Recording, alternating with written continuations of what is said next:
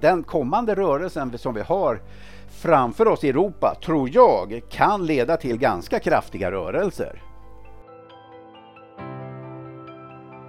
Det här är Investera och agera, en podcast från Carnegie Private Banking. Det är torsdag den 8 oktober och ni lyssnar på mig, Jonny Torssell, som är teknisk analytiker här på Carnegie Private Banking. Idag ska jag dela med mig av den tekniska bilden över eh, eh, de, eh, de stora börserna nu, som jag framförallt följer. Det vill säga OMX-index, S&P och Eurostock 600. Och vi börjar med OMX S30.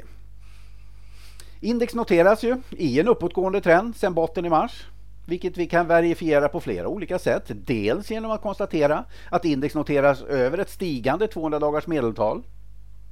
Och dels genom att index noterar stegvis högre bottnar och toppar.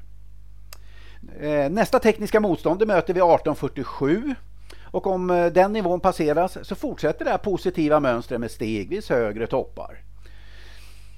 Eh, och sker det här så siktar jag på en uppgång till, ja kanske eh, också förbi den här toppen då som härstammar från februari i år på 1900.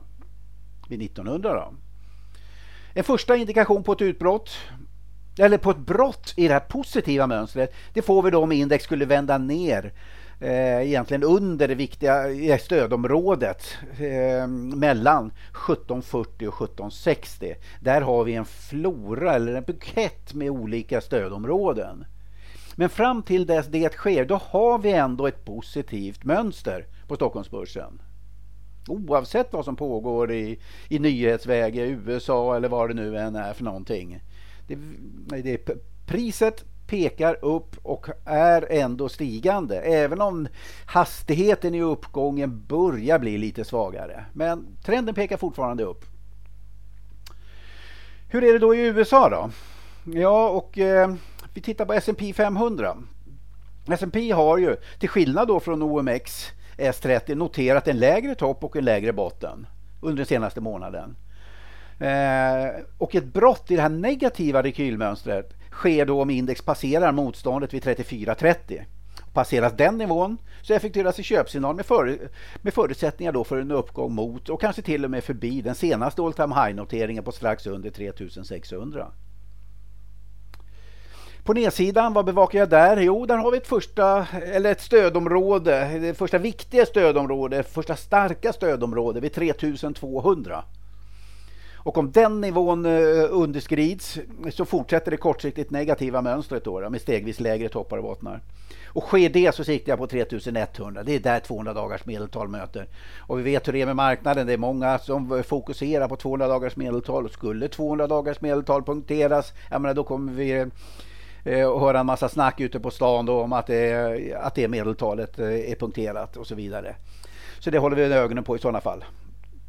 Så det är väl det jag håller ögonen på där då. Men eh, sen har ju Trump fått corona och hur påverkar det börsen då? Nej, men, eh, ni som har lyssnat på mig historiskt, ni vet att eh, historiskt så har det visat sig att presidenter eller ledare som blir sjuka eller, eller dör oväntat, att det påverkar inte eh, marknaden nämnvärt.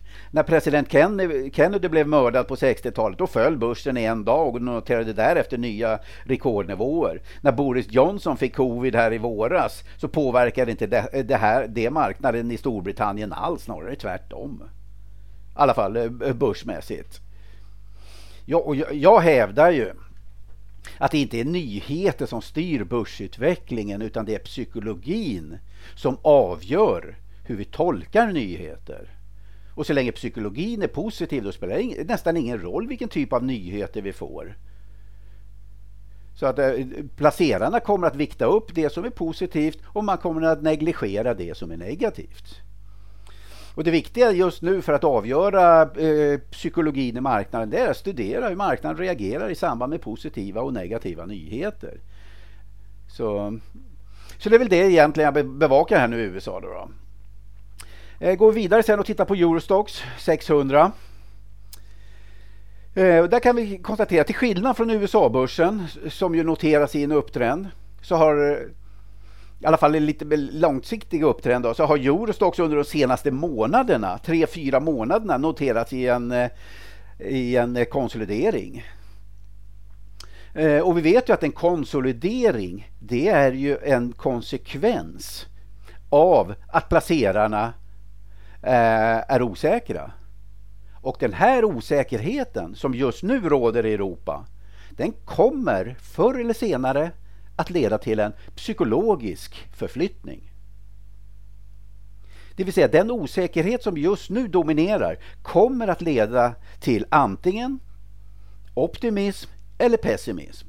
Får vi till exempel ett utbrott uppåt ur den här konsolideringen så kommer optimisterna att säga vad var det jag sa och så kommer man agera på köpsidan. Den stora grupp som är osäkra, de kommer i takt med att uppgången fortsätter bli mer positiva.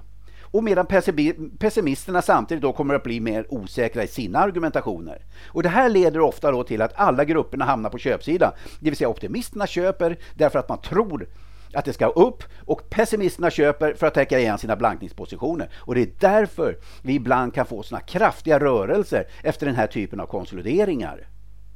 Och det är samma sak om det här då skulle bryta ut på nedsidan naturligtvis. Vad skulle hända då? Ja, men då? Då kommer de som är pessimister säga, vad var det jag sa? Och börja agera på, på, på säljsidan om man inte redan har gjort det. De osäkra, de kommer börja bli mer negativa. Medan de som är optimistiska, de kommer börja bli mer osäkra i sina argumentationer. Vilket kommer leda till ett ökat utbud av aktier och eh, en, eh, förmodligen då en fortsatt nedgång. Så att eh, Europa just nu är oerhört intressant att hålla ögonen på framöver.